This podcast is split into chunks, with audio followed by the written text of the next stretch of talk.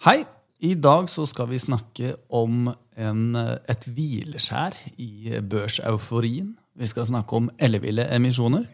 Og vi skal snakke om en europeisk lockdown.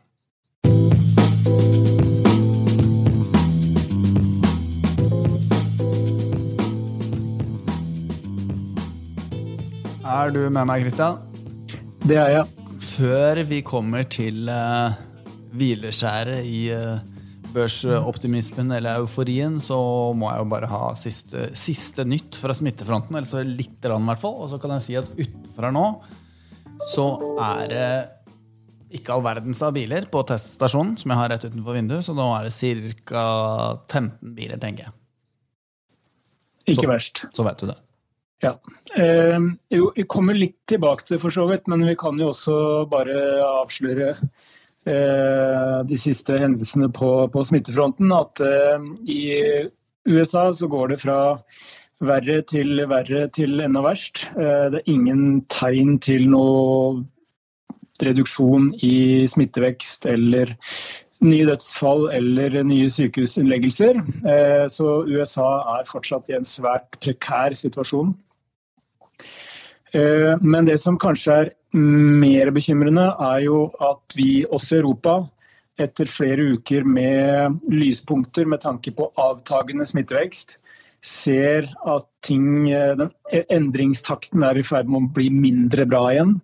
Og det har eh, utløst en del signaler fra politikerne i flere land om at restriksjonene som er innført, enten kommer til å opprettholdes over den neste måneden, eller faktisk å strammes til eh, ytterligere. Da, vi snakker om eh, land som eh, Frankrike, vi snakker om Italia, vi snakker om Tyskland, Belgia, Storbritannia med mer.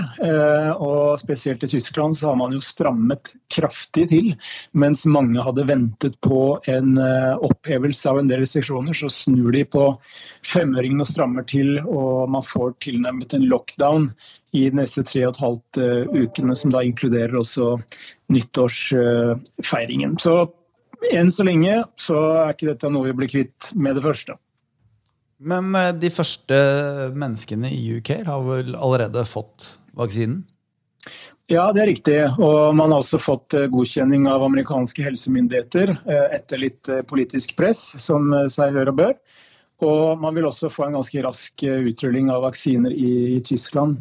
Men uh, litt av utfordringen det er jo at uh, selv om man nå har kommet i gang, så tar det tid å få produsert tilstrekkelig med vaksiner. Det tar tid å få gjennomført vaksinasjonsprogrammene.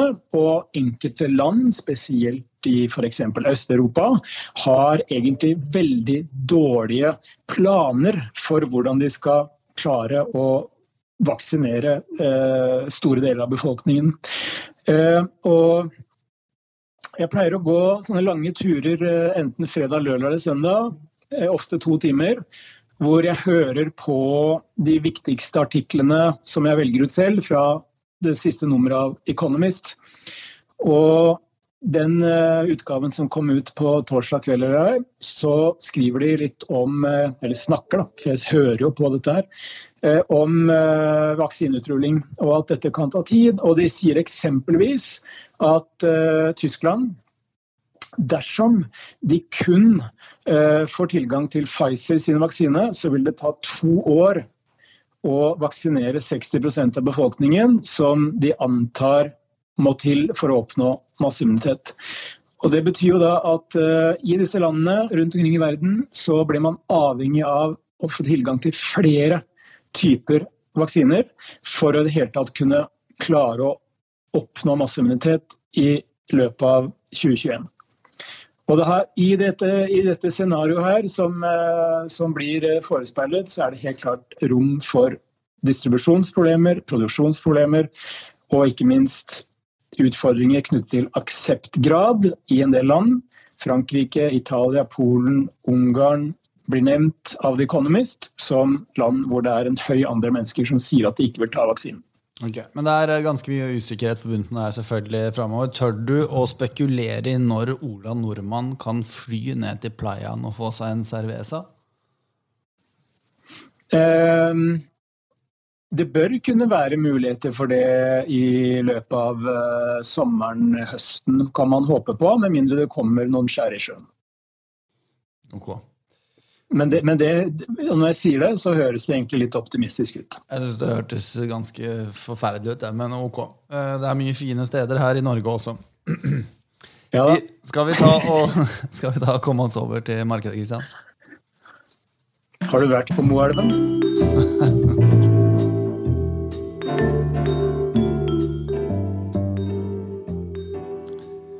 Ja, og i markedet så har euforien eh, roet seg litt, eller eventuelt tatt et hvileskjær. Pust i bakken. Ja, ja, ja, det er ikke helt unaturlig. Etter den elleville heisaturen vi hadde i november, så er det ikke unaturlig at ting roer seg litt. Men det er ingen tegn til noe frykt eller noe sånn voldsomt tilbakeslag med det første, i hvert fall.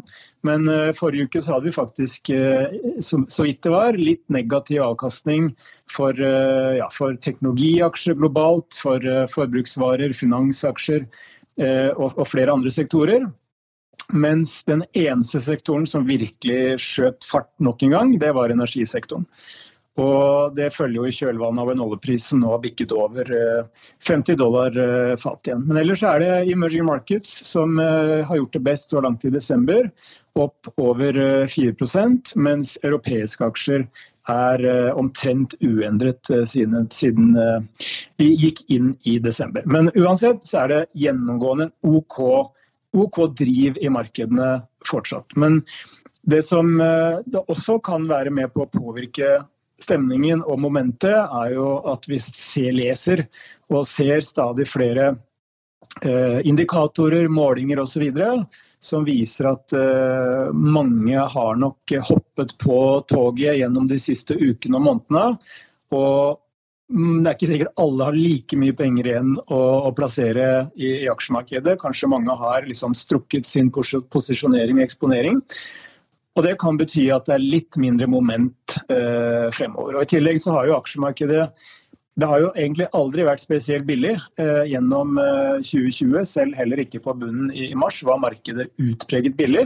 Selv om man i etterkant kan kanskje si at eh, det var billig nok.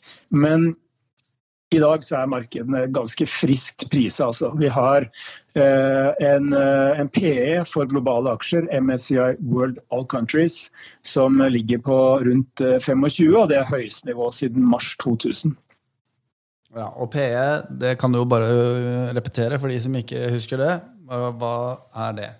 Det er en måte å si om aksjemarkedet er dyrt på dyrt eller ikke. Og det man da ser på, er hvor mange ganger inntjeningen man må betale for aksjene. Og da kan man se på to ulike former for inntjening, eller man kan se på flere, men det enkleste er jo at man ser på den inntjeningen som selskapet, eller indeksen eller markedet har hatt de siste tolv månedene. Det kaller vi rapportert inntjening. Men det som er aller, aller vanligst, det er å se på aksjekursene i forhold til forventet inntjening de neste tolv månedene. Og Det er da analytikernes estimater for hvordan inntjeningen vil gå. Og Det som er litt sånn greit å ha med pappen når det gjelder PE-tall nå, det er jo at man kan ikke lenger skylde på svak selskapsinntjening i 2020. fordi når vi snakker om inntjeningsestimatene for neste tolv måneder nå, så inkluderer jo de den kraftige rekylen som analytikerne venter vil komme utover året. Ok. Men eh, hva med disse eh, nye noteringene som vi ser nå? Jo, eh, etter at den amerikanske sentralbanken grep inn i finansmarkedene ved å varsle at de kom til å begynne å kjøpe selskapsobligasjoner i tillegg til statsobligasjoner, så var det egentlig et vendepunkt for risikoviljen i finansmarkedene.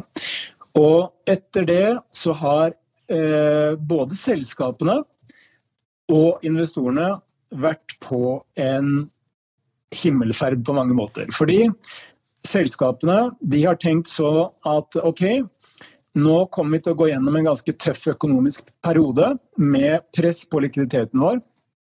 Hva er det vi trenger? Jo, vi trenger penger. Og det har bidratt til at selskapene har tatt opp ekstremt mye gjeld Eh, Bl.a. fordi investorenes risikovilje har vært såpass stigende at selskapene har kunnet låne penger i oblasjonsmarkedet billigere og billigere og billigere. Men etter hvert som aksjekursen har steget så mye, så har jo selskapene tenkt at oi, her er det såpass mye gærne investorer at vi kan hente egenkapital ganske billig også. Så gjennom 2020 så har man faktisk sett 9730 aksjeemisjoner eller børsnoteringer globalt. Dette er data fra Bank of America, og det er en ny rekord. En ny historisk rekord. I USA så er det hentet 149 milliarder dollar så langt i år. Eh, og Det er også en ny rekord, men halvparten av de 149 milliarder dollarene det er penger som er hentet inn i såkalte Special Purpose Acquisition Vehicles, SPAC, som det kalles her på Hedmarken. Og det er da tomme børsnoteringer. Det er selskaper, altså skallselskaper kan vi kalle det, som børsnoteres med en ambisjon om å gjøre oppkjøp og investeringer frem i tid. Og Det illustrerer også en viss risikovilje. Men det som også er ellevilt her, det er jo at eh, de selskapene som børsnoteres, de får en sinnssyk kursutvikling rett etter det er blitt børsnotert. Eksempelvis så har en indeks over børsnot nylig børsnoterte selskaper i USA steget 111% i år. Og på den første dagen etter at selskapene har blitt børsnotert, så har investorene priset aksjene til gjennomsnitt 24 ganger omsetningen over de foregående tolv månedene. Og det er da fire ganger så høyt, fire ganger så høy prising som gjennomsnittet de siste ti årene. Ok, det her, var, det her, var, faktisk ganske vilt og veldig interessant. Men du, du kalte det special purpose. Hva var for noe vehicle? Acquisition vehicles. For det skal da brukes til å kjøpe andre selskaper mm. Og fylle da denne børsnoteringen med noe fornuftig etter hvert. Og det var 9713 noteringer globalt. Ja. Men det er da enten vanlige aksjeemisjoner fra eksisterende selskap mm. eller nye børsnoteringer så langt i år globalt. Okay, ja, vilt. Ja, det er vilt. Vi får håpe det gagner innovasjon. Ja, vi får håpe det. Men det kan også være en risiko for at en del av disse selskapene ikke kommer til å lykkes og tjene så mye penger som det markedene priser inn. Ja, det er klart. Hva var det siste vi skulle snakke om? Eh, det var eh, Det har vi egentlig allerede snakka om. Men det har vi for så vidt allerede snakket om. Ja. Så det jeg kan oppsummere med, det er hva som har vært gode nyheter den foregående uken, og hva som har vært gode, eh, dårlige nyheter. Fordi Det er også litt av det som preger markedene nå. At i motsetning til i november, hvor det nesten bare var gode nyheter, så har vi nå litt mer sånn blanda drops. Forrige uke, det som var negativt, det var smitteutvikling i USA. Og i helgen så har vi også sett at tyske myndigheter eksempelvis innfører denne strenge lockdownen som vi snakket om innledningsvis. Det som også er negativt, det er at eh, politikerne i USA, republikanere og demokrater, ennå ikke har blitt enige om en ny finanspolitisk støttepakke. Og det betyr at jeg tror det er ti millioner amerikanske eh, husholdninger risikerer da å miste essensiell støtte fra myndighetene, som dermed kan forringe kjøpekraften. Det vi også så forrige uke, det var at disse jobless claims-tallene fra USA, altså antall nye søkere til ledighetstrygd, steg videre til det høyeste nivået på tre måneder. Og det følger jo i kjølvannet av restriksjoner og tiltak i, i flere delstater. Ellers så gikk eh, konkurransemyndighetene i USA til søksmål mot Facebook. Fikk ikke de helt store kursmessige konsekvensene, men det de reagerer på, det er at Facebook har brukt sin markedsmakt til å svekke konkurransen i det, de markedene de opererer i. Og det bl.a. gjennom oppkjøp av Instagram og WhatsApp. Eh, ellers så hadde vi flere Eh, både positive og negative signaler knyttet til brexit. Det er fortsatt ikke avklart. Men den endelige fristen er jo for så vidt 31.12. Så vi tror på marginen at det er større sannsynlighet for en avtale enn ikke. Men selv en avtale vil representere en veldig hard brexit, og omfatter eksempelvis ikke servicesektoren i Storbritannia, som utgjør 80% av BNP. Så dette kommer til å svekke britisk økonomi, enten det blir en deal eller en no deal. Avslutningsvis, på den positive siden, så fikk vi endelig avklart eh, dette eh, budsjettet i EU og denne finanspolitiske hjelpepakken som skal implementeres gjennom neste år, etter at Polen og Ungarn trakk sitt veto.